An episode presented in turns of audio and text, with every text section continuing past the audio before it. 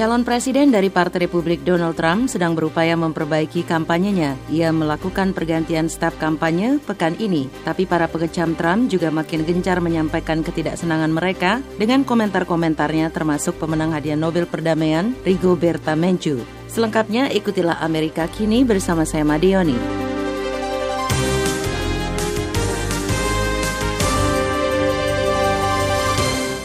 Proses politik Amerika menjadi sorotan dunia, demikian pula kedua calon presiden baik dari Partai Demokrat Hillary Clinton maupun Partai Republik Donald Trump. Rigoberta Menchu, pemenang hadiah Nobel untuk perdamaian tahun 1992, mengecam komentar-komentar calon presiden Partai Republik Donald Trump yang dianggap rasis. Un candidato presidencial de Estados Unidos eh, hablando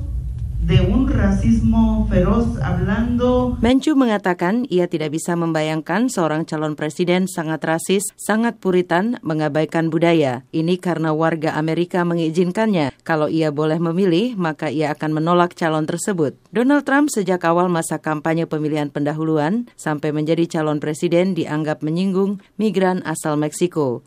Ia menjuluki mereka pemerkosa bahkan berjanji untuk mendirikan tembok di sepanjang perbatasan Amerika dengan Meksiko untuk mencegah imigran gelap masuk ke Amerika dari negara tersebut.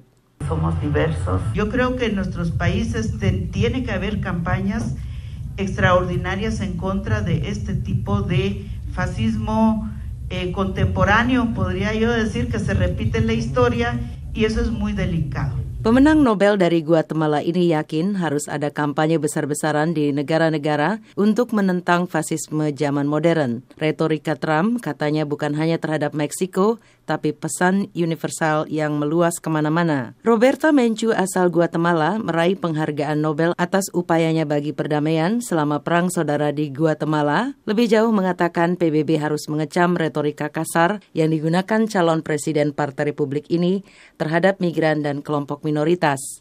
Di kubu Partai Demokrat, Hillary Clinton juga mendapat kecaman dari luar negeri, utamanya dari Presiden Rusia yang gusar karena pendirian Clinton ketika menjabat sebagai Menlu, di mana Clinton dianggap lantang mengecam kepemimpinan Putin dengan mengatakan Putin menggunakan taktik seperti taktik Adolf Hitler pada tahun 1930-an. Komentar Clinton itu dianggap sangat membekas pada pemimpin Rusia itu. Manajer kampanye Clinton bulan lalu bahkan menuduh Rusia berada di balik pembocoran email pejabat Partai Demokrat menjelang konvensi pencalonan Hillary Clinton.